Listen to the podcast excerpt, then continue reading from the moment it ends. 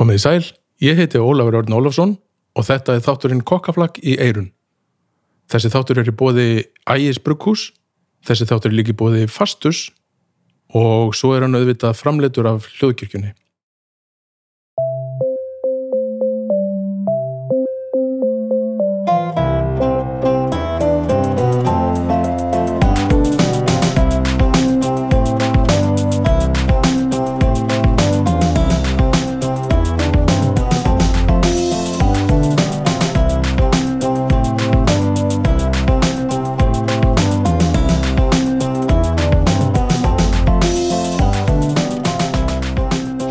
Já, komið sæl.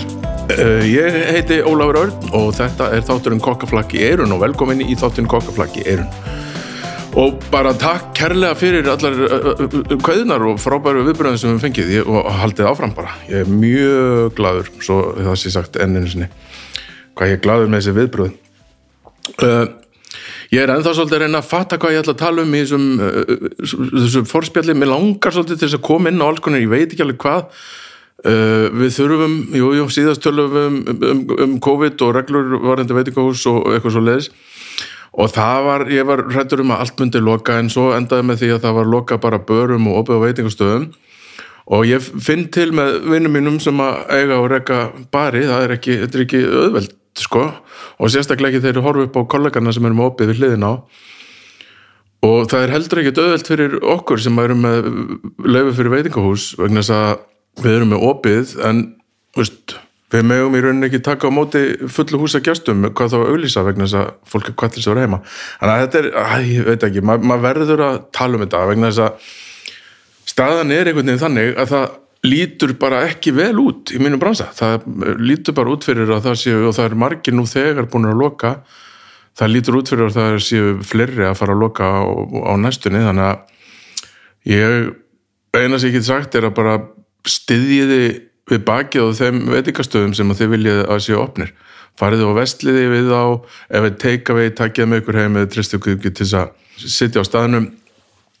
Og einast að til þess að geta haldið áfram að gera áhugaverðan veitingaræstur í Reykjavík þá þurfa að vera til veitingastæðir og þeir eru ekki til nema að það komi innkoma. Þannig að fariði út að borða eru hvaðina sem ég hef fyrir ykkur svo lengi sem að það hafið einhver tök á því.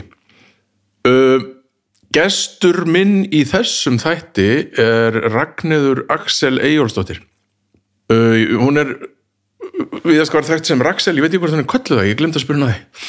En hún er sem sagt hérna merkileg kona sem að á og rekur fyrirtæki sem að, eða tvö fyrirtæki held ég, sem að heitir Íslensk Hotlusta og, og Natura. Og Íslensk Hotlusta er fyrirtæki sem hún hérna tók við restinum á pappasinum sem hann stopnaði fyrir doldur langu síðan og hann fór sem sagt byrjaði því að hérna, byrjaði því að vera að týna söl og þara og ber og alls konar svona íslenska hjörtir og fór að selja það og gerði bara, gekk bara ekki það, fór að meðal að seldi hérna okkur á Dell og Vox og svona þegar ég var í því í, í Ganada og hún sem svo tók við því og, og, og er búin að bæta í svolítið mikið og, og hérna er farin að selja sko þörunga og söl og íslenska hjörtir til fínustu og bestu veitingastæði heiminum, við komum inn á það þessi viðtalinu hún er bara frábær og ógeðslega skemmtileg og svo er hún líka að búa til hérna alls konar áfengadrykki. Stopnaði Lady Brewery og seldi það uh, býr til vodka og gin og svo sjúklega áhugavert og skemmtilegt hérna vín og krækiberjum og, og rababara, allt saman lífrænt. Endilega bara staldri við og hlusti á þetta allt saman. Og hér er það. Viðtalið mitt við Anna Ragnhiði Axel. Gjör þið svo vel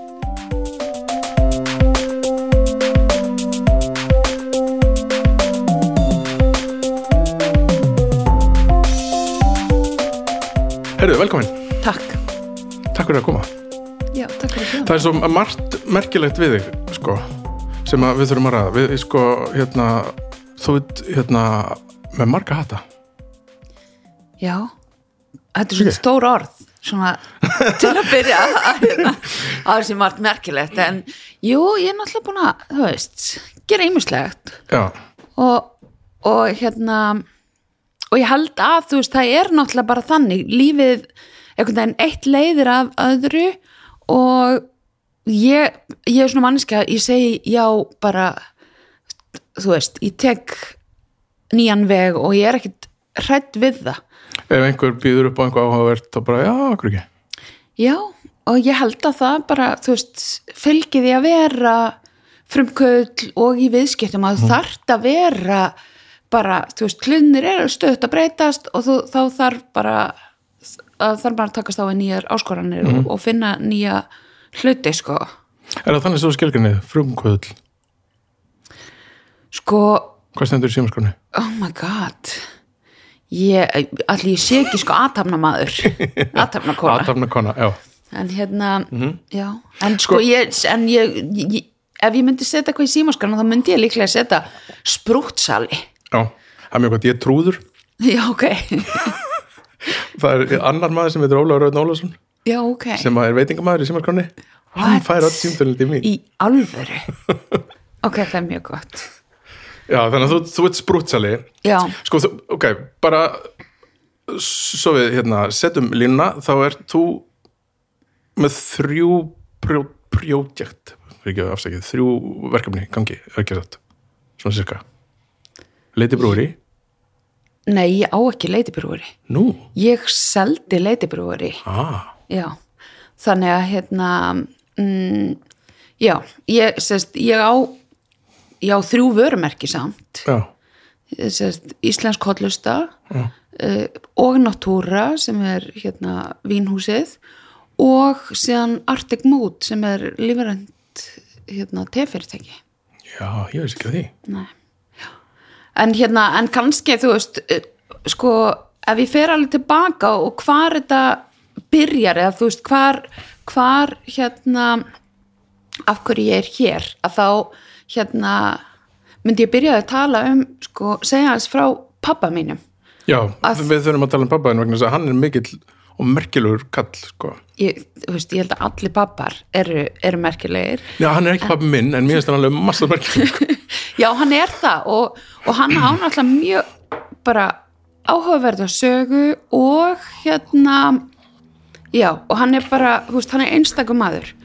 Hann er hérna mentaði sjáalífræðingur og starfaði mörg ár á Hafrannsóknumstofnunni og hérna og síðan fyrir sko rúm 30 árum þá fer hann, eða um 30 árum þá fer hann og er ráðgjafi varðandi fiskveðar á hérna Kamchatka í Rúslandi og á eigu sem heitir Sakhalín sem er hérna rétt fyrir ofan Japan.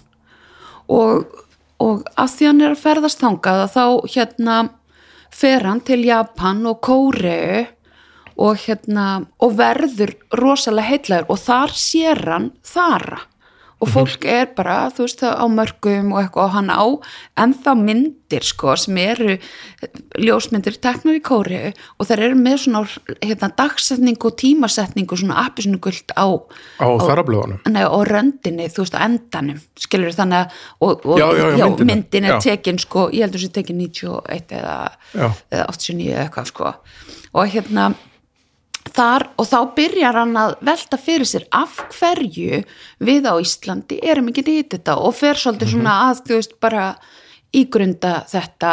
En það er líka meira sem gerist í þessari ferð að hann verður bæði fyrir áhrifum í matamenningunni en líka í menningunni og hann bara hann ákveður að hann ætla að verða bútisti Já, ok og hérna og bara tekur upp bútatrú, kemur tilbaka er græmitsæta og bara borðandi þara þú veist og hérna, og eða byrjar að velta þessu Já. svona fyrir sér og hérna, og hann sérst, fer í síðan í bútaklaustur og er er árum þetta? senna já.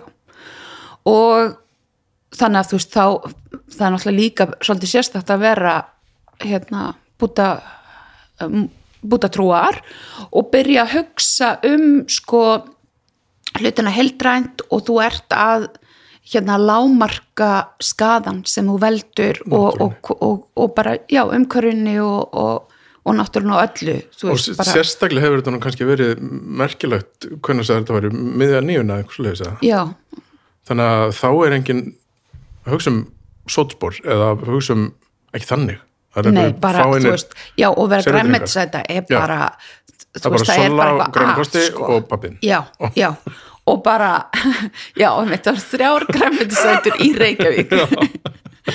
Og hérna þannig að, en þarna þá fer þessi hugsun að fylgjanum og hann byrjar að bara, þú veist, kanna hvar er þetta og bara skoða söguna. Og hérna, og síðan er það að, sko hann stopna fyrirtækið Íslensk Kollusta fyrir 15 árum en hann byrjar örlítið fyrr. Þar sem hann er byrjaður að týna þara og er að þurka allir sé ekki svona 20 ár síðan og er bara svona að já, skoða sögun á þetta. Og fólk náttúrulega held að hann væri klikkaður að vera að þurka þara í, inn í bílskur og eru einhverjum- fleiri tegundir en bara söl? Að ég er alveg upp fyrir það að söl væri ætt og góð Já, sko það beltist þarri og kombu. Já. þannig að þarna er hann bara í rauninni svolítið vera vísindamæðin að flokka þetta og hérna. Og það er það eru svæði á Íslandi sem að hafa aldrei hægt að borða söl eins og vestmannegar þú veist, þar hefur fólk aldrei skamma sín fyrir það en það var náttúrulega þannig á mörgum svæðum að, að söl voru álitin fátakra matur nú er það? Já, og liti niður á það og bændur jafnvel földu það að þeir væru að þurka söl og gefa hérna kindunum sínum yfir veturinn að því þeir átt ekki nóg hei, hei. það er eitthvað skömm í því að eiga ekki nóg.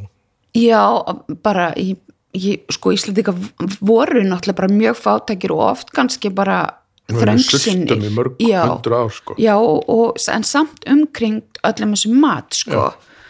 En ég held að líka, en jafnvel fyrir 15 árum að þá er ekkit margir að borða þara hérna.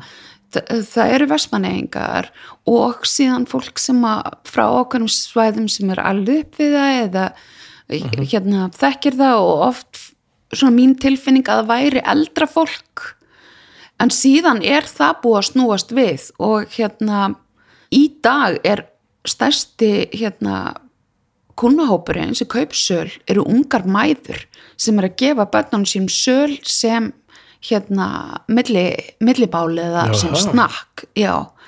Og það hérna Já, það er mjög það var eitthvað svona sem kannski he, maður hefði ekki spáð fyrir. Nei, svolítið meira einmitt að það væri selkjörarnir og að því í upphafi að þá voru það kokkarnir sem voru að kaupa sölin en, og, og þeir gera enn en núna seljum við samt líka já mjög bara í bónus, mikið. þetta er bara í bónus. Já, bónus bara og ægilega og, og, og hérna. Já, og fólk bara tekur sölin sín, skellur bara skamtin sinn.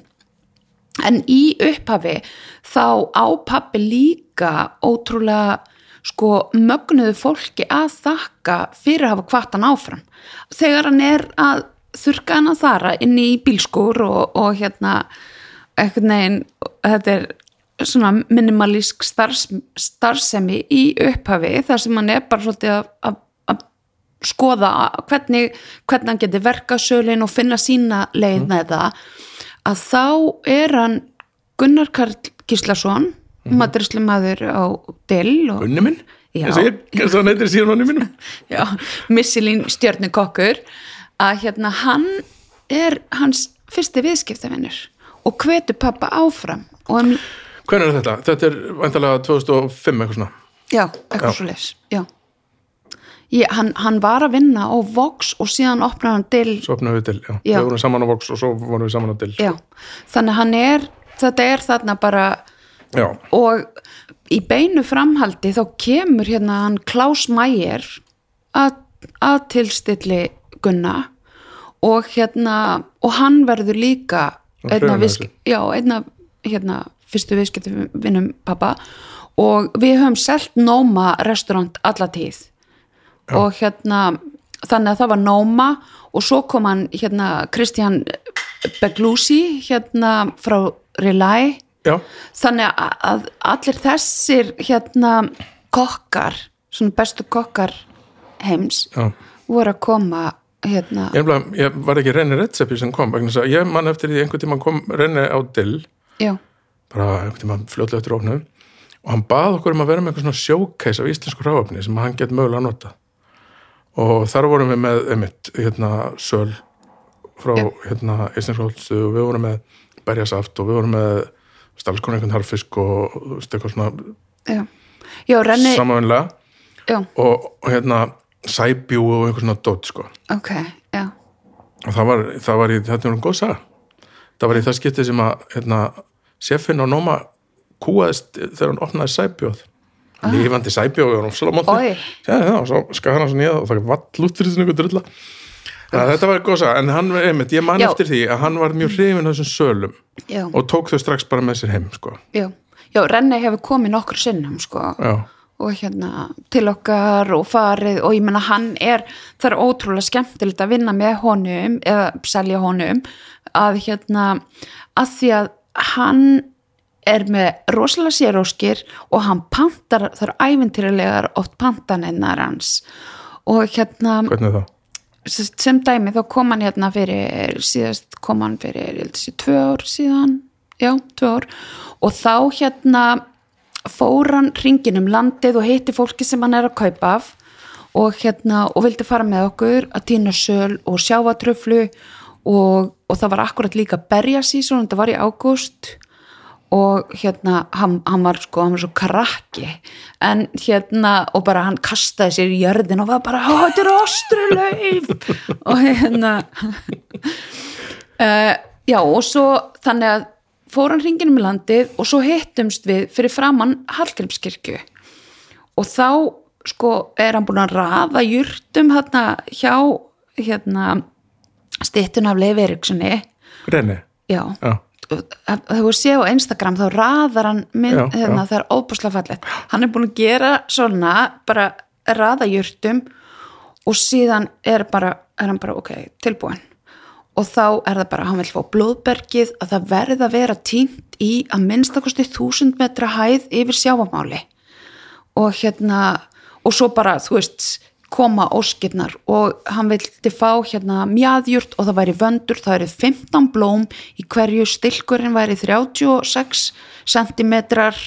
Svo bundi saman á þennan máta um, svo pantaði hann líka hérna í það skipti hérna svona, ó hvað heita það svona fífukollur, svona beðkollur Nei, nei, nei, já, fífur. Já, svona, hérna, svona bómullar hérna, já. Og, og Er þetta þannig borða það? nei, það voru fyrir skreitingarnar Já, og þannig að þær voru 30 bundi og þannig að máta og svona. Þannig að þú veist, þetta var ótrúlega falleg og skemmtileg pöntun. En líka þetta og þó, þá þurftum við líka að gera út fólk og það þurfti að fara á þannig ákvæmna stað. Já þurftu að fara að tína blóðbergið eitthvað staðar upp í fjöllum með hæðamæli. Já, bara á ákveðnum stöðum. Þannig að þú veist, ég hafi samband við fólk sem að týni fyrir okkur á vestfjörðum. Það var óskasvæðið og, og bað þau um að fylgja þú veist, þessum fyrirmælum og hvort það var þetta týna á þessu afmarkaða svæði og sem að þau síðan gerðu sko. En varst þú með í þessum business allan tíman, alveg frá upphafið það? Nei, ég er mentaður hönnuður og hef starfað við verkefnastjórn í mörg ár. Þannig að nei, ég bara var, að, var í verkefnastjórnun og bara í alls konar verkefnum þannig ég er búin að vera núna í, ég er búin að vera síðust fimm ár með þeim í þessu og hérna en ég, emitt, ég er búin að búa ég bjó í New York og ég, ég hérna, var að vinna í París hjá hérna, tísku fyrirtæki þar og svo hérna bjó ég í Budapest einn, einn, einn vetur og Förum bara aðeins í gegnum þetta, Hva, Já. hvar ertu fættu uppalinn? ég í Reykjavík 101 One. On one, já, já, snorabröðinni já, snarbröð Já, og svo fluttu fóldur mín í Vesturbæin þegar ég var úlingur og og gerst í hérna, ég var í hagaskóla og svo fór ég í kvennaskólan Já, og svo vissi ég ekkert hvað mér langaði að gera í lífinu. Ég einhvern veginn bara svona ráðvilt já bara, þú veist Varstu ekki með, þú veist, ef þú varst í hérna, varstu dulleg skóla, eða hvernig varstu nei, ég var hrikalega sko slagur nefandi ekki, sko ég hafði námsfærnina og getuna en ég lagði óbúslega lítið á mig, það var alveg ferlegt sko, ég skammast mín fyrir það. Mér finnst ég þurfa að fara einhvern veginn til kennara minn og, segja bara þú veist, þið hafðu rétt fyrir, ég hefði átt að gera miklu betur. En ég var alveg þannig að sko mér fannst svo margt miklu skemmtilega, ég vildi fara á skíði ég vildi fara að hitta fólk.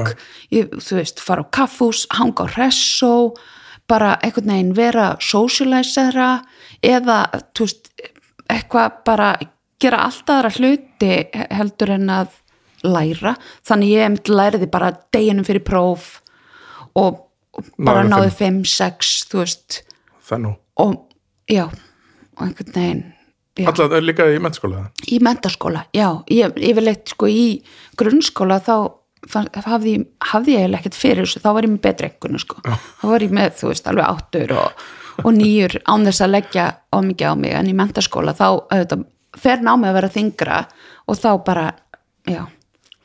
Þannig að það, það er ekkert glæ, ég útskrifa þetta ekkert með glæsilega einhvern sko. Og ég myndi ekki, ekkert byrta þér, þú veist. Nei, nei, nei, þú ætlar ekki, við ætlum ekki að setja það inn á hérna, Facebook síðu þáttarins. Nei, sleppa því bara. Og hérna En útskrifast samt?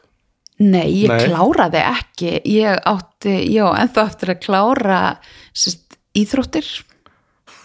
Og hérna ég, mér vantaði sjö einingar held ég upp í að klára stúdisprófið Ég tengi svo harkalega þetta að, að hérna, ég er á sama stað sko Þannig að þú veist, það er ekki að skammast í neitt sko. já, Nei, en veistu, ég, ég skamma mín ekkert eða skilur, ég einhvern veginn uh, ég veit það ekki, já en jú, þetta var það alveg svona að klára þetta ekki Mhm. þetta er svona, þetta er verkefni ólokið Já. en það samt stoppaði mig ekkert sko að því að ég hérna fór síðan til New York og fór í skóla þar sko og fór hérna að læra leiklist og, og hérna og, kvikmynda þú veist fræði og, og hérna en síðan kláraði ég það heldur ekki sko. Ok, ég var alveg pínu í því. Góði að byrja. Já, og síðan vera eitthvað svona, býtu, er langar með þetta í álfurinni og þannig að þá var ég aftur eitthvað svona íhuga, mér langaði svolítið að fara í bókmentafræði, jafnvel íslensku, eitthvað, þú veist, ég, þá fór ég á eitthvað svona tímabil þar sem ég vissir en ekkert hvað mér langaði að gera. Og þannig að þá fyrir maður bara að vinna einhverju svona ra- random vinnur. Og hérna og þá fór ég og vann á apotekinu þá var það nýopnað Þú voru að vinna saman þeirra já, Sétt, ég manna ekki. Ég var hérna súsjef þar og bara var að gera súsi og forrétti og hérna og, en þetta var rosaleg kersla og, og svona Það var geggjaðu tími sko Ég, ég var aðna, náttúrulega bara opnaði Já. og þetta var bara work hard, play hard sko Mhm. -hmm. allan tíman og ógeðslega mikið að gera alveg sjúklega gaman já, sko. alltaf alveg tróðið og ég lærði alveg bara rosalega mikið og þetta var bara æðislega, æðislega lífsreynsla. En ég bara, ég var bara eitthvað oh my god, ég, þetta er ekki mig að vinna 14 tíma eða 16 tíma á dag og bara dag eftir dag eftir dag. Ég var bara, já, eftir árið þá var ég bara, nei, ég hérna, þetta bara kannski er þetta, þegar þú segir að þú er byrjað á fullt af hlutum kannski er, er, getur verið að frumkvæla mentaliti það hefur verið komið strax það örglega, að taka inn bara, þú veist, læra búin með þetta Já. að hérna, langa það í næsta. Já, það geta alveg verið. En þarna þá var ég meiri segja líka eitthvað svona, bara já, ég væri alveg til í að, þú veist, jafnvel menta mig í einhverju tengdu hérna, mat. Mhm. en líka því ég hafði alveg gaman af matagerð og, og hérna já, þarna, og ég menna þaðan hef ég alveg ómetanlega reynslu. Mhm. Og hérna kann að skera húst, laukur og svo fallega. Hvað varstu lengi í New York? uh, ég var í þrjú ár. Já, bara á Manhattan svo, Nei, ég, ég átti heima pínu út um allt sko. Ég átti heima hérna í, fyrst í hérna Williamsburg. Já, og þá var það Puerto Rico hverfi. Já, það var ekki orðið hipster að Nei, það var, það var, alveg, það var frekar hættulegt sko, svolítið crazy en mér, mér fannst það eðislegt og hérna og þetta var maður stundur hrættur en ég er bara svolítið harður nagli. Já, þannig að ég ég var þar og ég bjó með henni hérna Hrafnildi shoplifter. Já, einmitt. Og hérna það var bara, það var æðislegt. Síðan flutt ég hérna með vinni mínum sem er fatahönnur og þetta er Lars og við byggum í Soho og hérna ég bjóð þar á Sjötta Avenue og, og Prince. Smart, já, mjög smart. Mjög smart. Mm. og en síðan fór ég aftur í Williamsburg og hérna. Og já, ennþá bara mjög mikið af vinum þar sem að bara sem ég líti á sem fjölskyldi mína. Hérna dreikvinni minn. Það er nú ekki, ekki rapparinn sko en, en, Ég ætla að segja, ég en dreik ég ætla að hann á dreikvinni mínum já hann, hann er hérna viðskipta félagi minn núna með hérna áfengi í bandaríkjun já, ok. En sko, þú hefur verið þetta er matapodcast já, um fólki í mat. Já, þannig að við þurfum að pæli sko já, tengjaða matnum. tengja matnum, já, já, Já. þá tengist alveg. Ég meina, ég er, þú veist, þú ert að tala um að pappiðin hafi verið svona frunguðil í þessu, þessu náttúru, þú veist, það, var- var líka verið að týna ber, ég manna þegar við keftum berjasaft. Krækibærsaft og eitthvað. Já og Þannig að það já, sko það var vantilega mikið snúist um ef, að- það er eina, eina af þreymur græmiðsætum á landinu. Mhm. þú veist, voru allir var græmiðtis fæðið einhverju á heimilinu? Um, já eða, þú veist, mamma eldaði reyndar alveg, þú veist, þannig að það var alveg kjöt og eitthvað svona en þá borðaði pappi bara meðlætið bara Já, já. eins og, þú veist eins og ég ger í dag, bara Já. þegar ég fer í matabóð að hérna, en já, þá, þú veist, þá, það var bara þetta var einhvern veginn ekkert, ekkert mál, sko já, því ég hugsa um það, það bara var það ekkert eitthvað, eitthvað svona Mm. Ekkert skrítið Nei. Nei, og það var heldur ekki alveg bara farið í að búa til einhverju bönakásur Nei. og eitthvað eitthvað svona, þú veist eitthvað skrítin mat að það var bara mjög klassist sko en byrju við vorum að tala um apotekið Mhm. -hmm. já, kannski svona þessi restaurantreinsla þar já, að þú Já, já. hangi svona Já. svolítið utan í já, þannig matarbransanum. emitt og, og líka bara að því að þú veist þetta var eitthvað sem ég hafði mikið áhuga á og, en síðan fljótlega þá hérna sótti ég um í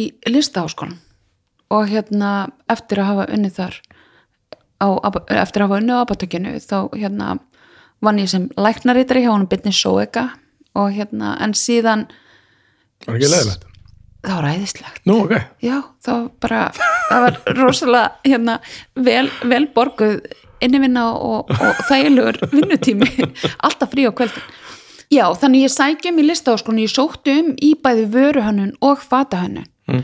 og þá þegar ég sóttu um þá náttúrulega pældi ég ekki í því eins og þú veist, hvernig það, hvernig maturinn myndi geta flettast inn í það eða þú veist, hvernig það yrði hefði geta orðið, þú veist.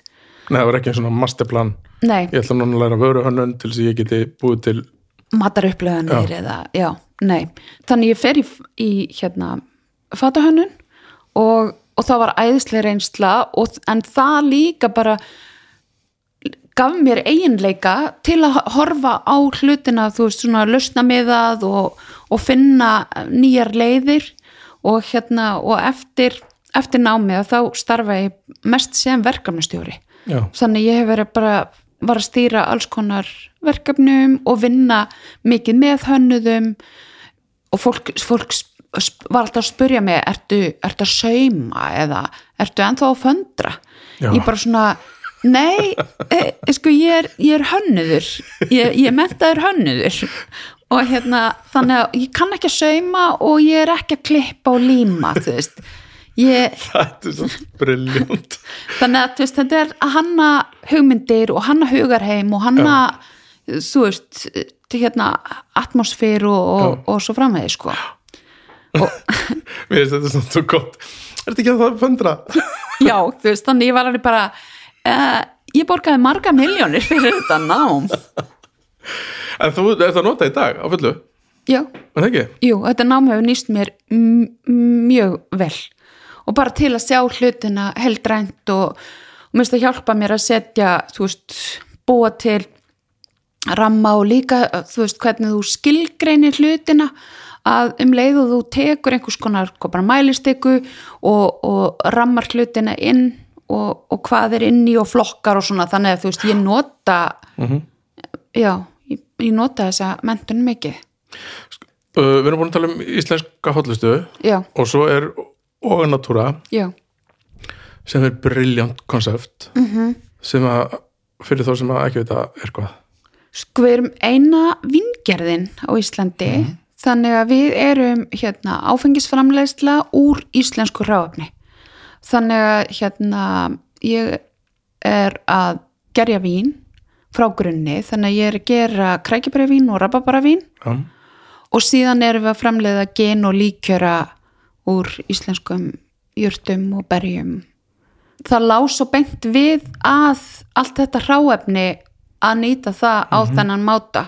Og ég hafði náttúrulega fyrir reynslu af áfengisframleyslu já, átti brugghús. Já. þannig að hérna að, að þá var þetta bara einhvern veginn röggreitt framhald að nýta ráefnið og, og, og koma sérstaklega eins og með krækiberin það var upphaflega hugsunin að hérna þau eru svo vannýtt ráefni og hérna og síðan líka þegar ég byrjaði að skoða það þá er í rauninni eina okkar vínhefð Íslandinga er krækiberjavín.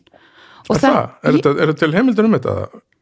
já, Ég man þetta krækja bara saft, það var alltaf til í, í sveitinni. Já en gerjaðist aldrei Nei. krækiberjastafi heimi á þér Nei, Ávallt. amma, amma var í hérna áfengisvarnar nefnd Nú, Hún er já, sennilega að passa vel upp á já, passa upp og hún hefur, hún hefur sett í þetta hérna, st- stoppara Já, hérna, eitthvað svolítið sko. já, en sko það, það er þannig að fólk var að gerja og marga fjölskyldur eiga uppskriftir þannig að Þóra samstagskona mín sem er einstök kona, hún er búin að vinna alls, allstaðar í, í matagerð og sem matráður og hérna og núna er hún bara vin, hérna bruggari vingerðakona uh, á gammarsaldiri en hún byrjaði að skoða með mér og hjálpaði mér að finna gamlar uppskriftir. Þannig að við fórum og skoðum og rættum við fólk og, og hvað það hafi verið að gera og hvernig fólk gerði vínið. Og, hérna, og það var þannig að fólk var þú veist að fjólblóða goskbrennar í, í geimslum og bilskurum og, og hérna og fólk var að nota alls konar þú veist, sko að því oft var fólk að hakka berin og það er svo mikið tannin í steinunum að þetta var bara eins og að drekka strókleður sko. Já, þannig að fólk var að reyna þú veist, milda það með að setja til sveskjusultu oft úti og, og það eru alls konar alveg crazy uppskriftir.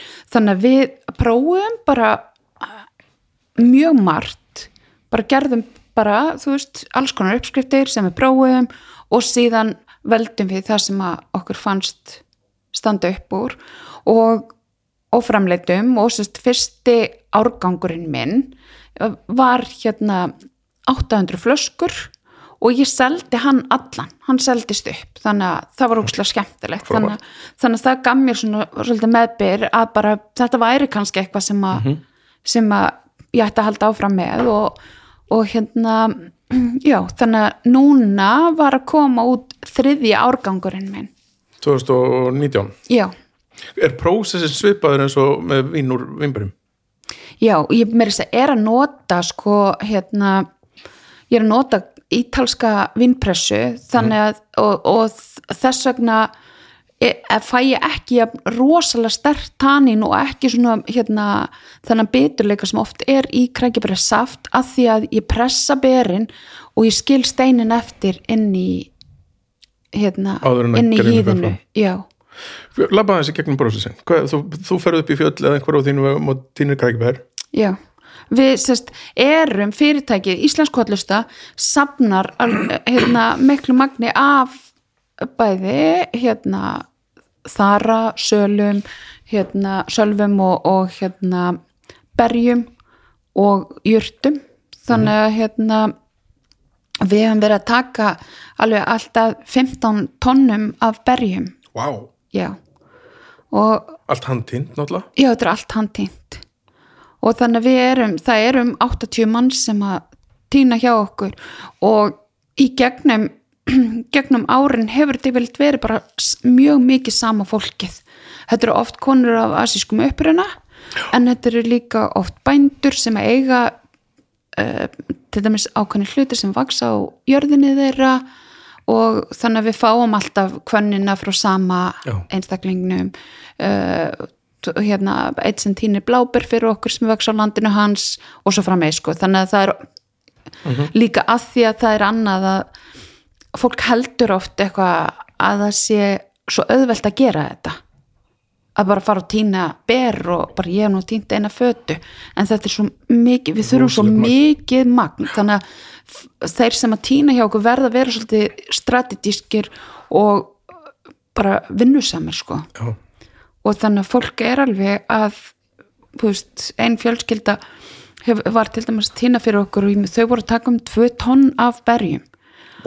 Já, og þetta var það, þetta, þetta er svona magn sem að maður getur ekki ímynda sér. Nei, já.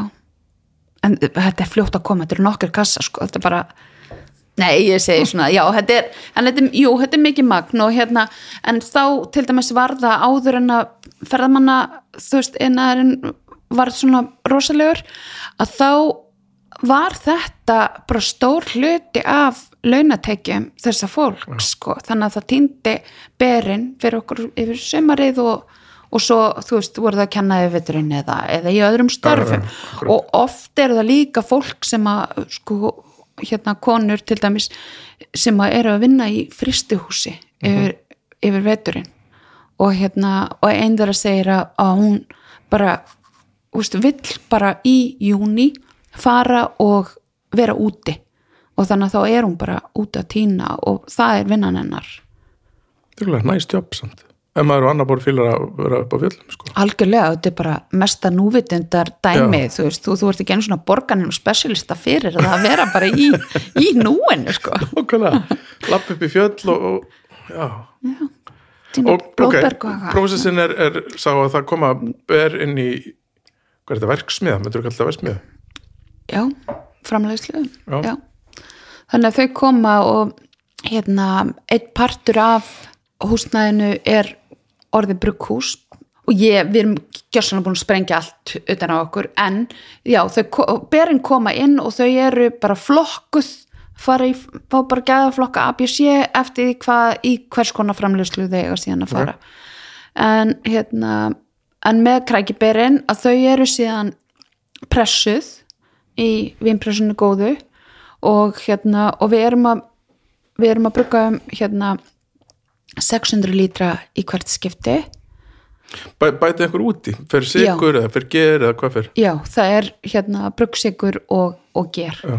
ég er með í hérna krækiberivininu fyrst þá var ég að nota hérna hvítvinsger af því að krækiberin eru svo rosalega resistant gegn gerinu af því það er svo mikið andóksunarefni í þeim. Já, að þau vilja ekki gerjast. Þannig að ef maður vill vera ungur að eilifu þá ætti maður að drekka og Bara- borða bara ógæslega mikið að krækibærum bara og berja blár kíló á dag. Nei.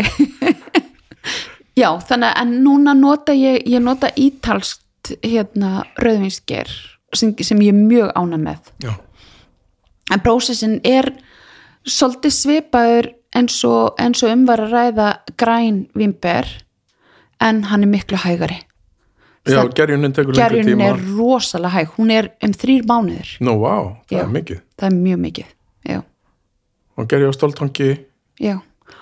og svo læti ég það standa. Í tanginum eða í tunnum? Í- á tankinu Já, já. og ég er ekki að fella þannig að við notum engin engin efni, ég Nei, vil nei. ekki nota húst, kvata eða neitt. Þannig að við reynum að bara hafa sem minnst impact á vínið náttúrulegt bræð já. bara, og bara eins náttúrulegt og hægt er að hérna, Já. að hafa það. Þetta er alveg gott stöf sko, ég, hef drukkið þetta.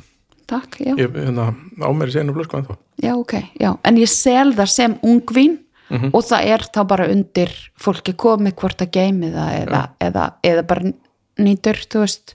En þú veist ekki náttúrulega hvað gerist þegar þú gemið það? Ég sko, ég á hérna gamla flösku Já, og hérna, og ég hef smakka og svona, sko ég myndi ekki mæla með að geima þetta meir en fimm ár. drekka strax. Já, Fíla, við ætlum að gera pínu hérna hlje mm -hmm. vegna að ég er svo heppinn að vera með sponsora í þessu podcasti. What, nice, Já, ég veit það, vel gert. Nú ætlum við að hlusta á þá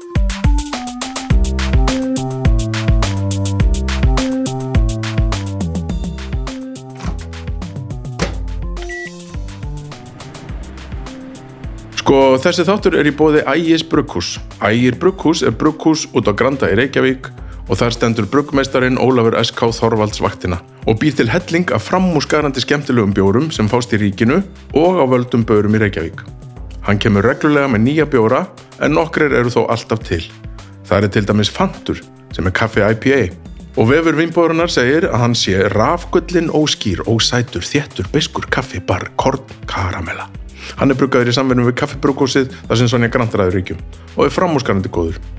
Aðrir sem alltaf eru til eru bara bjór sem er ale og juice sem er skíjaður lagarbjór með miklum karakter. Óli býður líka upp á bjórnámskeið og smakk fyrir hópa í ægisgarði sem er salur sem hægt er að leia fyrir alls konar uppákomur og partí. Tekkið á því á ægisgarður.is og farið svo í ríkið og prófið bjórinn frá ægi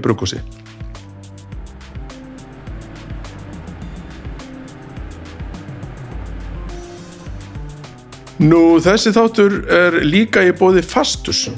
Fastus er heildverslun sem selur allt sem hugsanlega gæti vantað í veitinga og hótelrekstur, nefnum þetta gesti. Þar er að finna gæðamerki í eldhústækjum fyrir stóreldhús, borð, stóla, nývapur og diska. Basically, ef þú ætlar að opna hótel eða veitingastað, þá dugir að koma við í Fastus, því að þar er allt til og frábært starffólk með mikla þekking á því sem það er að selja.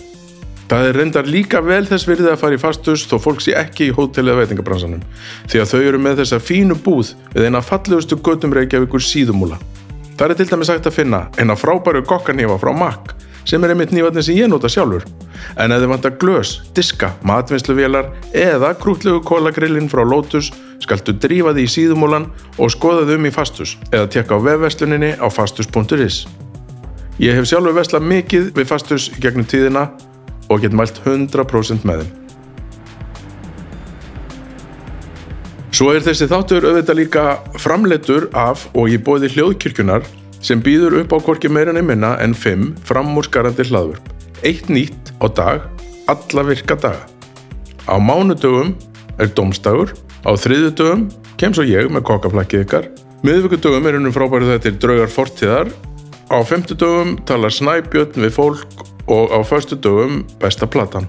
Þú getur hlusta á hljóðkjörkjuna og öllum helstu hlaðvarpsveitum heims og ef þú ert ekki búin að hlusta á alla þessa frábæri þætti hljóðkjörkjunar þá skaltu bara drífi því í kvelli. Þeir eru bara, já, það er búin að segja frábæri. Frábæri. Gaman. Já. Gaman að heyra þessi sponsorum. Elska. Ég elska sponsora. Hérna, já, já, já, þetta er magna maður búið til. Hefur, af hverju er einhvern dótt þetta í hug fyrir? Hefur pælt í, hefur einhver, veist, veistu til þess að einhver hefur reynd að búa til áfengi kommersiali úr íslenskri náttúru á undan þér? Já, það er maður á Húsavík sem var að framleiða höstsól og kvöldsól. Anstíkilega vond. Eða, sko, ég, það er, eru til, við eigum tvær flöskur, Já, ekki opnaður. en við hefum ekki opnað þetta var alveg rosalega vinsælt, þetta var alveg dísætt ok, og þetta var mjög vinsælt einmitt á einhverjum svona, hérna, hvernig var þetta? Þetta verið bara 90 eitthvað, sko. já, ég held að síðan mertar, hvort er að merta 2000? Já, getur verið, Það eru 20 ár síðan, árið 2000 var, sko. Já, já, hérna, við erum búin að fara yfir þetta. Hérna, nei, það er, hérna, uh, ég man eftir þessu og þetta var, var mjög vinsælt Já, og ég held að þetta hafi spilað inn á eitthvað svona, hérna, þjóðirniskend mm, ok, að þess vegna, Íslands vín, við erum skulum drekka það eitthvað. Og ég man ég smakka þetta og mér fannst þetta ekki gott, sko. Þetta, þetta var alveg dísætt. Ok, og já, þetta var svona eitthvað sem að var mokað út í jóluhlaðborðum og mm, eitthvað, þetta var samt eitthvað, veist, ég veit maður ekki hvernig þetta er gert og, og bara ég mannin afsökunar á því að vera að tala svona illa um mörna sem hann hættur að selna þannig að ég get ekki skada en veist, það hefur vandalega bara verið settur alveg hellingur að sigri og alls konar einhverju annar saft út í þetta gruna mig. Já, þetta var alveg svo lis, þetta var bara svona sætt rauðin ok. Ég bara, emitt, ég smakkaði þetta aldrei, en ég held að, án þess að ég veit það, að, að hann hafi bara verið á undan sinni samtíð. getur verið, að sem sagt uh, emitt, þá er það kannski þú veist, einhverjir svona sem hafa áhuga á því að smakka eða eitthvað svona og síðan ekki meira eða þú veist en, en núna er við náttúrulega með eða vorum með fyrir COVID markað þar sem að eru gestir að koma. Þannig að stærstur hluti af minni sölu er í flughöfninu og, og á veitingastæði þar sem að eru erlendi gestir sem að en Meina- ég selu þetta líka í vimbúðinu og, og rappa bara vinni mitt ég sel það vel til Íslendinga. Fólk finnst það spennandi og skemmtilegt það er líka, Og það svona- er líka mjög gott. og það er bara auðvelt að drekka það er auðveldara heldur en krækibyrja hérna, vínið. Já, Þó- það er svolítið tannist og svona þurkar manna þessu upp sko en það, ég nefnilega bjóð til einu sinni Björkubyrki já, alveg rétt. Og markasplanið upphafi var svo einfalt. Gerum þetta bara setjum þetta bara í fallega flösku og seljum frífni þetta var í alverðinu bara hérna, og þetta er gengið vel já, en svo vill til að þetta var gott bræði og þess vegna fór þetta að ganga vel af því ég var í alverðinu bara að hugsa bara, þetta getur bara verið hérna, minningrupur það þarf ekki eins og það var gott. En svo var þetta gott, þannig að fólk er að köpa þetta aftur og aftur og barþjónar er nút og svona. Já. þannig að það er alltaf pluss, það er ekki nóg að selja bara minningruppi er það sem ég er að segja sko. já, já, já. En allavega þú veist, við það að að það eru svona margir ferðamenn að koma þá náttúrulega opnast fleiri tækifæri heldur en voru emitt, fyrir sérstaklega svona einhverju svona sérhæfða vöru sko.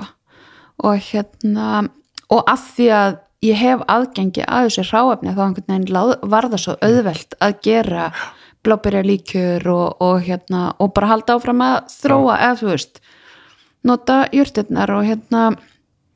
Er þetta að koma þessi eitthvað til útlanda? Eða, þú veist, já, er áhugi fyrir því að kaupa Íslands krækjaveru inn í Oldum, New York? ég reyndar ekki að fara með víni það er svo dýrt að það bara, þú veist, það bara gengur ekki upp Nei.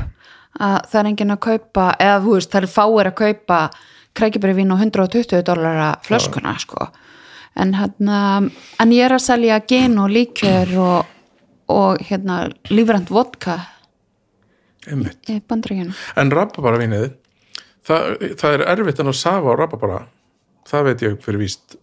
Þú setur það ekki í safapressu, það bara kemur ekkert nema kurl og svo bara nokkur drópar, ég er búin að. Já. Þannig að hvernig nærði það, nærði safanum úr? Eða hvernig nærði bræðinu úr?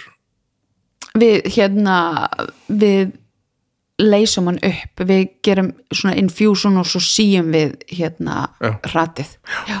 þannig að nei, það var emitt einar leiðin og ég prófaði samt líka sko, það er verið að selja hérna rababara safa, það er hérna rababara bóndi sem að sem að hérna selur bara 200 lítra tunnur. Þú Nú. keft bara svona bláa tunnu. En hann, hann er ekki, þetta er ekki gert bara eins og gerir eplasáfa, sko. Þú lítur hann, þú þarfst að ná hann með einhvern veginn öðru svo út. hann er með svo leiðis bara vel svona eins og eplapressu svona bara, þú veist, risapressu. Hm. tjekka á þessu. Er það er næsta, næsta viðtal. næsta, já. já, ok, nei, það er samt frábært vegna Já. ég manna prófaði þetta einhvern tíma. Kannski þetta, skiptir vantarlega máli hvenær hann er tindur og eitthvað. Ég setti bara í svona stafabröðsu og svo komu nokkrir drópar út en alveg hellingur að hrati.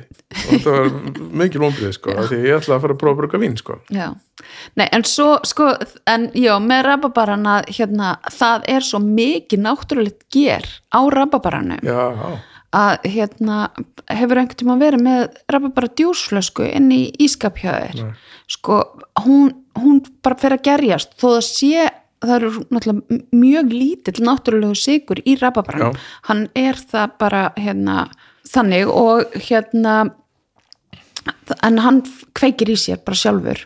Og það er líka gamalt húsráð til að koma stað til þeim skerjun í krækibærivíni er að droppa bita af rababara og onni ah, tunnuna þannig að já, en allavega munurinn á gerjuninni þegar ég er að gerja rababarvínið það, hann brjálast rababarinn sko. Og þá er ég, þarf ég bara að vera með sko, þykka slöngu þá, þá gengur ekki að nota það svona lítill loftventil sem að hérna, loft, eða svona vasslás og sko það þýðir ekkert að nota hann. Ég verð bara að vera með bara tröllaslöngu og ný og ég risa tunnu Vá. í bara sex- 60 litra tunnu og svo bara st- stendur bara gusugangurinn og þrumur bara þú veist, þannig að því hristist tankurinn. Magna. Já, og hérna þannig að gerjun þar er bara þú veist, svona hágerjun er kannski þrýr dagar. Vá. Mhm. Merkilegt. Já, og það sem ég líka eiginlega merkilegast við hérna rababaravinnið er það að þegar að hérna, þegar að fer inn í gerjunina að þá er hann náttúrulega alveg rosalega súr og hérna um, og það er svona aggressíft rababarabræði Já, Já, þannig ég var eitthvað bara, þegar vorum að gera þetta fyrst, ég var bara eitthvað, þetta getur ekki orðið gott, þetta er bara, þú veist, ég bara, ég trú ekki að þetta sé í álverinu uppskrift af einhverju, þú veist, en það bara, sérst, í öllum sem látum, að þá bara, hérna, skiptið alveg um ham.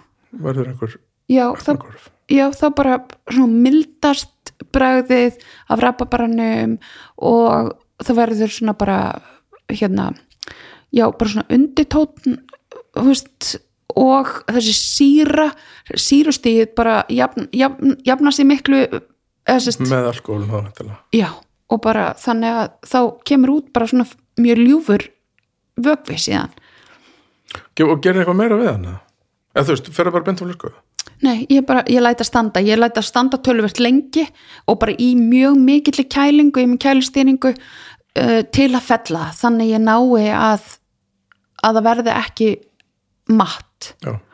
Og hérna, Og læriður allt þetta brugg bara að því að prófa og reyna og fórstu ykkur og nei, ég, já, ég um- bara, ég fekk bara, sko, ég hef alltaf gert það þegar ég hef verið að gera einhver svona verkefni, þá fæ ég fólk sem að hefur bara góða þekking og það er nóg til að fólki sem kann fullt af hlutum og, og í staðin fyrir að maður þurfa alltaf sjálfur að þú veist hérna pjólið finna upp hjólið að þá er mjög gott að leita til sérfræðinga Já. og þannig ég hef bara gert það ég fengi fólk til að aðstöða mig sem að hefur þekkingu sem fer í gegnum Mm. veist, ferlana með mér ráðgefur, gerir svona þú veist, það er betra að gera þetta, þetta, þetta og ég bara hlýði og hlusta. Ég er ekkert alveg bara, nei, nei, nei, nei, Hvað er að þér? Þú veist já, hvað ég Nei, einmitt, þannig að þú finnur þér fólk sem er klárar en þú og læra því. Já, já, og fæ bara ráðgjöf. En það er pínu fyndi að þú að þú nefnir það að þá sko þegar ég var að byrja að gera vinnið og við, ég fór í eitthvað viðtal ég og Liljar samstæð, viðskiptfélagi minn og hérna og erum að segja, já, hann gera næ, kræki bara vín og, og ég er framlega vín og, og hérna síðan fæ ég sko nokkra tölvuposta bara þar sem er, eru menn að spurja mig emitt hvaða hérna hver, hver mín mentun sé hvort ég sé með áfengisleifi, hvort ég sé með starfsleifi sko leifi Nei. til að búa til áfengi og, og hérna um, já og líka því að þetta væri náttúrulegt vín að þú veist útskýra fyrir mér að náttúruvín Menn ekki hrútskýra fyrir þér? Jú, bara, þú veist, og bara Wikipedia skilur, bara náttúruvín er, þá er ekki ger og þú veist, alveg tekið þetta skilur Ó, fólk getur verið svo miklu fáið þetta, að að að mér fannst bara svo spest, veist, ég var eitthvað ég ætla ekki að fara, hvað ég eitthvað að fara að útskýra fyrir einhver mann út í bæ hver mín Og, og mentun er bara að því voru ég ætla að gera mikið. þetta Já, ég fekk svona 5-6 e-maila. En ég var vön því að því að sko þegar ég átti brugghúsi og við byrjuðum með það Já. þá kom líka svona þá bara senda ykkur menn eitthvað já, ertu, eru þið með leifi þið vita að ef þú ætla að gera bjór þá verður að hérna, hafa, hafa leifi og þú veist. Allir þetta hefur verið senda á allir sér litlu brúkos út á landi líka? Ég veit það ekki. Ég, ég hef ekki spurt að því en veist það væri alveg áhört að Það er heyra. mikil, þessi, hérna allavega þessi bjórheimur er mikil kallaheimur, sko. Já, já, Var þið rakst eitthvað á þið þar, annað heldur en einhverju e-mailar frá einhverjum? Var þið tekið eða, eða vel?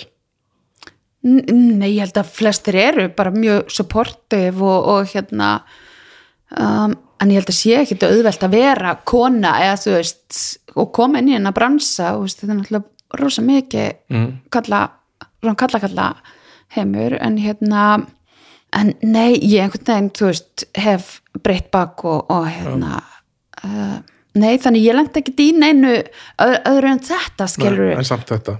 Já, en mér fannst það samt bara svo, þarna fyrst þá líka panika ég pínu ég svaraði einhverjum já, ég er með leifi hérna þú veist, Já, í stæðan fyrir að segja fokkaði bara í staðin fyrir bara að svara þessi, bara setja þetta í ruslpostin sko.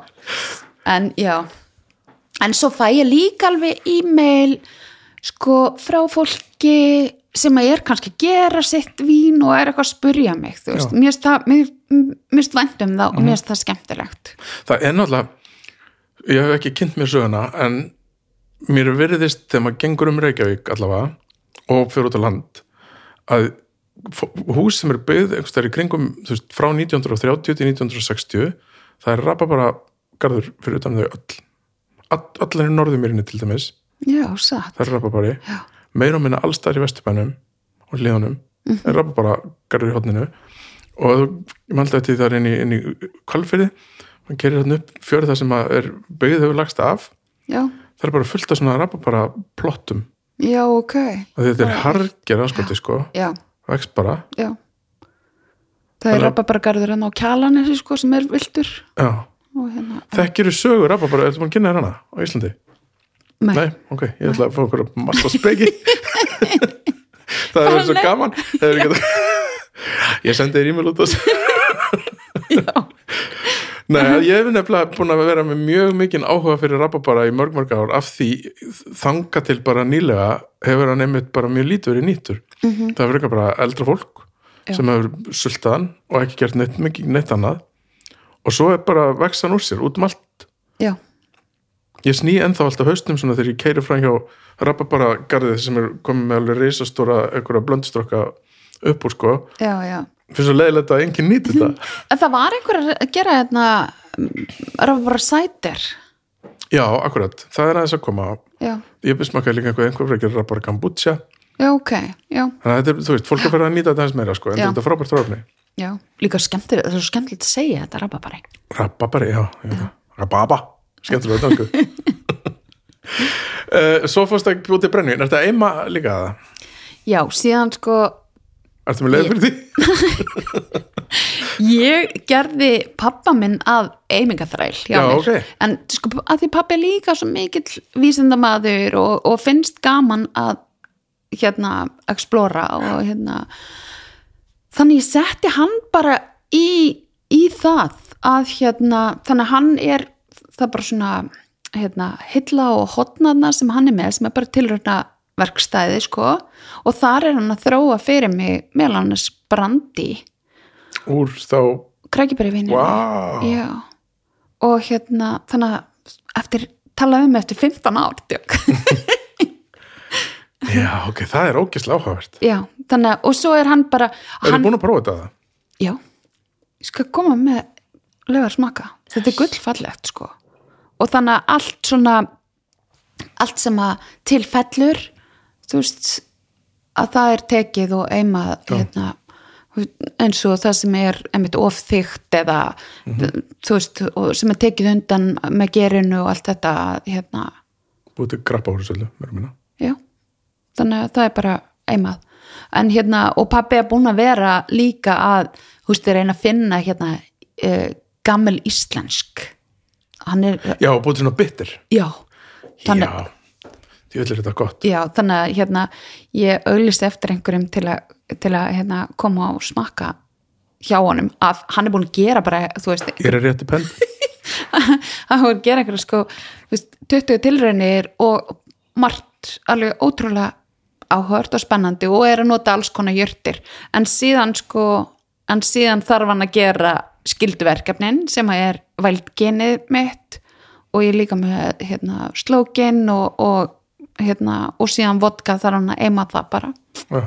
þannig að hann úr hverju er það maður brennu ég er með hérna, ég flyt inn uh, hérna, franskan rúg já, og hann, þetta er lífrænt ræktaður rúur sem er meðal annars frá champagne hér eði þannig ég, á, ég tók það ákvarðin að hérna, ég myndi borga meira og ég myndi kaupa hans dýrar ráefni sem ég myndi vita að kæmi úr góðum jarðveg. Og þannig að hérna, organic vodka með ett það kemur úr sérst, jarðveg sem er í lægi að því að þegar ég fór aðeins að researcha það að þá er stærstu hluti af hérna vodka kemur úr kveiti hérna og, og hérna afurðum ræktum í Hvítarúslandi og ég meina það náttúrulega er bara hliðin á Tjernobyl já, og eftir að hafa hort á Tjernobyl þættina Já, shit, að þá var ég einhvern veginn bara svona ok, ég vodka verður seint heilsuvara. Nei, nei, nei, nei. en uh, en ef maður er á annan borð veist, að leifa sér einhver óhóllustu um, þá viltu samt ekki fá eitthvað já, þannig að það er svolítið bara mín hugsun og sem ég tek frá pappa í bútismannum að uh, að hlutinir eigi að koma góðum jarðveg og, og, og það skipti máli hérna, þú veist, hvaðan það kemur og hver, er- hver er áhrifin. Já, svo náttúrulega vantarlega skiptir það máli líka ræktunin með hvað þú skilur eftir á, eða semst hvernig hérna, jörð, jörðin er eftir. Mm -hmm. skilur að þú úðar allt með eitri og einhverju drullu þá farið eitthvað upp en getur þú gert það aftur. Já, já, þannig að ef þú ert að, vinna með lífrænt þá, þá væntanlega fer það betur með náttúruna. Ekki satt jú, ég bara ég treysti því að hérna já, það er líka til lífræna síkartu sko, þannig að þetta er en ég segi að uh, vínið og, og hérna, emitt, að þetta verður seint einhver hotlustu vara en, en þetta er í hófi gott fyrir andan bara mjög gott. Alveg frábært slógin er ekki S-L-O-E eins og nei. Við ákvæðum að gera svona tvist á, á það að því að fyrsta leið það er ekki til sló ber á Íslandi hérna með enu þannig að þetta er sem að er vinsalt að gera í Breitlandi og, og margir breyta að gera tína berinu haustinn, setja í gen svo lætur það liggja, gen og sigur og lætur það liggja og síðan um jólinn drekkur það. Við ákvæðum að taka smá tvist á þetta og, og gerðum slógin og notum sólber. Og þannig að við köllum það með sló að því að það var svo hægu prósessin og við gerjum berin fyrst. Þannig að þau fá svolítið svona hérna, svolítið svona funky, funky flavor og síðan er það infjúsað í genið. Og genið er bara gert úr íslensku júrtum Já, þannig að í genun er ég að nota rababara, ég nota einiber og hérna kvönn og hérna og kvannafræ og þetta er alveg pínu blóðberg. það er svo margir held ég sem gera sér enga grein fyrir hvað er mikið til að bragðið í íslenski náttúru Algjörlega, já. Og líka, já, og líka bara hvað hérna, hvað það er líka sérstakt, veist, eins og með blóðbergið, ef þú, ef þú smakkar blóðberg við hliðin á veist, þá, þá finnur þú veist, skildleikan, Já. en þetta er samt eitthvað svo allt, allt annað. Já, tala ekki um þegar komið blómi sko. Já, og bara, og þetta blóma, þú veist, þessi, þessi, þessi blómailmur, hann er líka svo rosalega spes. Og það er líka meðal í jörtinnar og berin og, og, og það er ástæðan kannski sem að þessir, þú veist, heimsklassa veitingastæðir er að kaupa íslensk þráefni, er það að það er svo rosalega bragðríkt, mm -hmm. svo stert bragð, þú ert með pínu lítið aðalbláber, þú veist, sem er bara meðan að þessi amerísku hana stóri sem er bara næstu eins og mandarín að þau eru svo stór þú samt ertu með svo lítið bragð Já. Í- það er það er svo leiðis að ef að júrtin þarf að berjast fyrir lífisinu Mhm. -hmm. þá kemur meira bragð í áveruna já, já og, og emitt svona sprettur svona hægt og, og er lítið og já þannig að já, það eru þetta alveg fullt að jörtum og mér finnst það eru, þú veist, sífælt fleiri að nota það og, og við náttúrulega pappi verið rosa duglegur að researcha og finna eins og þú veist, þegar hann bjóti teið að finna jörtirnar sem fólk var að nota þú veist, gera við kvefi og, og hérna, svolítið svona þetta gamla já, já. það er, já, þessi þekking til sko. Það, með hvað er ætt og hvað er gott og svona sko. Já, og ég manna þegar að þegar við vorum með Dill, það var Gunni fór, fórum við upp á fjall og við, hérna, hann ringdi eitthvað svona grasa guttu, ég man ekki hvað hann heitir. Ok. Örgulega gutta. Og bara hvað er, þú veist, hvað er hættulegt og hvað er ætt og bara smakka þetta bara. Þetta er gott, já, það er já. Þú veist, það er ekkert sem er eitrað. Men ég held að það er ekki mikið af, þú veist, einhverjum grösum og eitthvað sem er eitra hérna sko. Sumt er bara ekki gott að bræði Já. og þá bara er ekkert gaman að búti matur í mm og síðan náttúrulega líka kannski bara þú veist, en síðan eru hluti sem þú þarft að passa þegar þú ert að vinna með eins og til dæmis ætikvön hún brennir þig. Já, þannig að það getur alveg verið mjög hættulegt. Þannig að þú, veist, þú, þú ert líka með sumt kannski að vita hvernig þú ætlar að umgangast plöntunar magna, hvað næst Dörskrá? já, Ragnæði Axel. Brandi já. já, þú ert bara komin á villina, þú frum kvöðlinn er búin að finna það sem að gerist bara sko en það er náttúrulega kannski svolítið skemmtilegt að vera að vinna í svona matvæla fyrirtæki og, og mér finnst ég búin að vera bara í svolítið svona heimnaríki að því leiti að það er svo margi möguleikar og þarna er alltaf hægt að vera að starta nýju verkefni inn í já, inn í þessu, þú veist inn í fyrirtækinu. Og hérna ég held að sé bara halda áfram og, og við erum bara að þú veist þróa ég, það sem ég langar að sjá mér langar að sjá uh, hérna sölin sest, halda áfram og, og núna erum við í þeirri stöðu til dæmis að það er það er svo erfitt að fá það maks sem við þurfum. Af, af, af sölvum. Já, að hérna að nú er komin í svona þú veist, þá stöða við þurfum að fara að segja nei eða en af hverju er það erfitt? er þetta ekki út um allt? eða? nei, þetta er, nei, það er ekki að týna þetta hvað sem er og þetta hljómar svo auðvelt og sama með írtirnar eitthvað svona týnur ekki bara einhvern þarra og þú bara Já. þetta verður ekki neitt þú, þú hérna kemur með segjum 100 kíló og það verður ekki nema 10-15 kíló eftir. Já, já. og síðan áttu eftir að vinna það og reynsa það og meðhöndla það áfram. Þú veist, þá, þá er bara þá er orðið lítið eftir. Og síðan er það líka þannig að það náttúrulega er ekki hægt að týna sölinn hvar sem er. Það verður að vera á ákvæmum svæðum þar sem eru hérna, sterk strömskipti til dæmis. Og týnuðu ekki inn í fyrði af hverju? Kemur einhver kemur einhver illt í þau eða? Já, að því að bara, já, að það þurfa að vera hreinar aðstæður þar sem þú ert að týna Já. að það sé, emitt, þó bæði að það sé ekki sörkóli mengað eða, Já, já, já. og svo framvegi sko, þannig, að- þannig að það er, það er alveg margir svona þættir og síðan er það líka að þau vaksa ekki hvar sem er, það eru bara ákveðni staður á landinu og mér finnst- skrítið eða kom mér á óvart að þetta skuli að einhvern veginn íslensk stjórnvöld skuli ekki hafa skoða þetta eða þetta sé ekki rannsaka meira af því að umhverfs landið hérna þá liggja alveg gríðarleg verðmæti í sölvónum og hérna og uh, fólkið á, á hraunni í Ölfusi hafa náttúrulega verið ótrúlegir fremkvölar og, og bara, þú veist, eiga bara mikla þakkir fyrir að, að hafa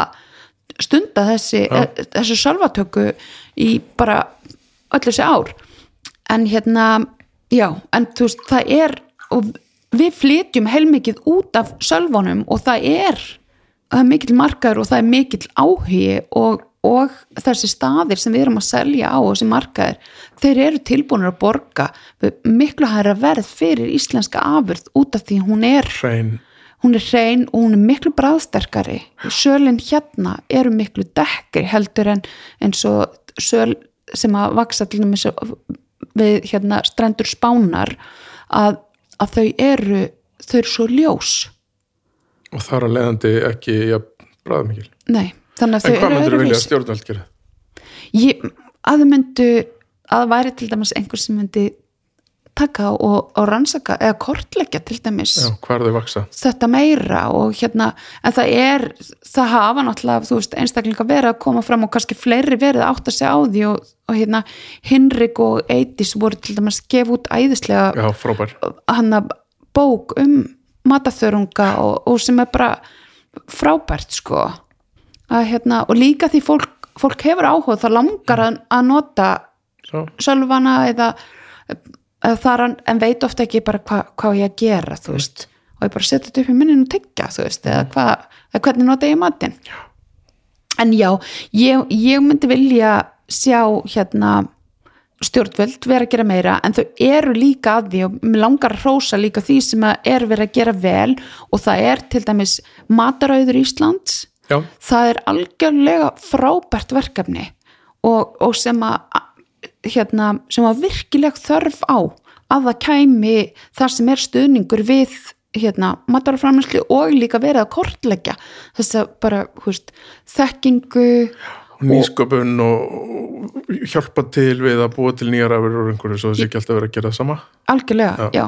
Já, og líka bara emitt, hérna setja svolítið ramma utan um þetta og núna komin þessi matvælasjóður þannig að það er alveg verið Já. þannig að stjórnvöldur að sjá að það eru náttúrulega gríðarlega verðmæti í Já.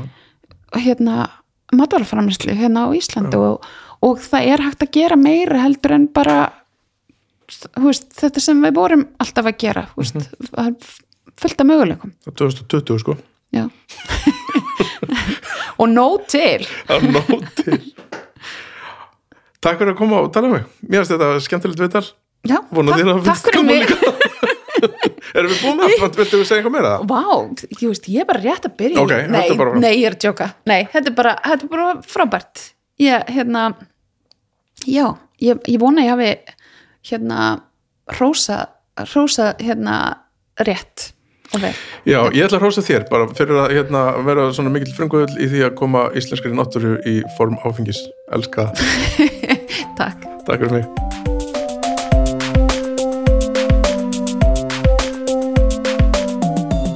Já, já, já, þetta var nú viðtalið með, með Ragnhið Axel. Hún, var gaman, hún kom í hins og til með skurstofana við fórum aðeins yfir, yfir hlutina.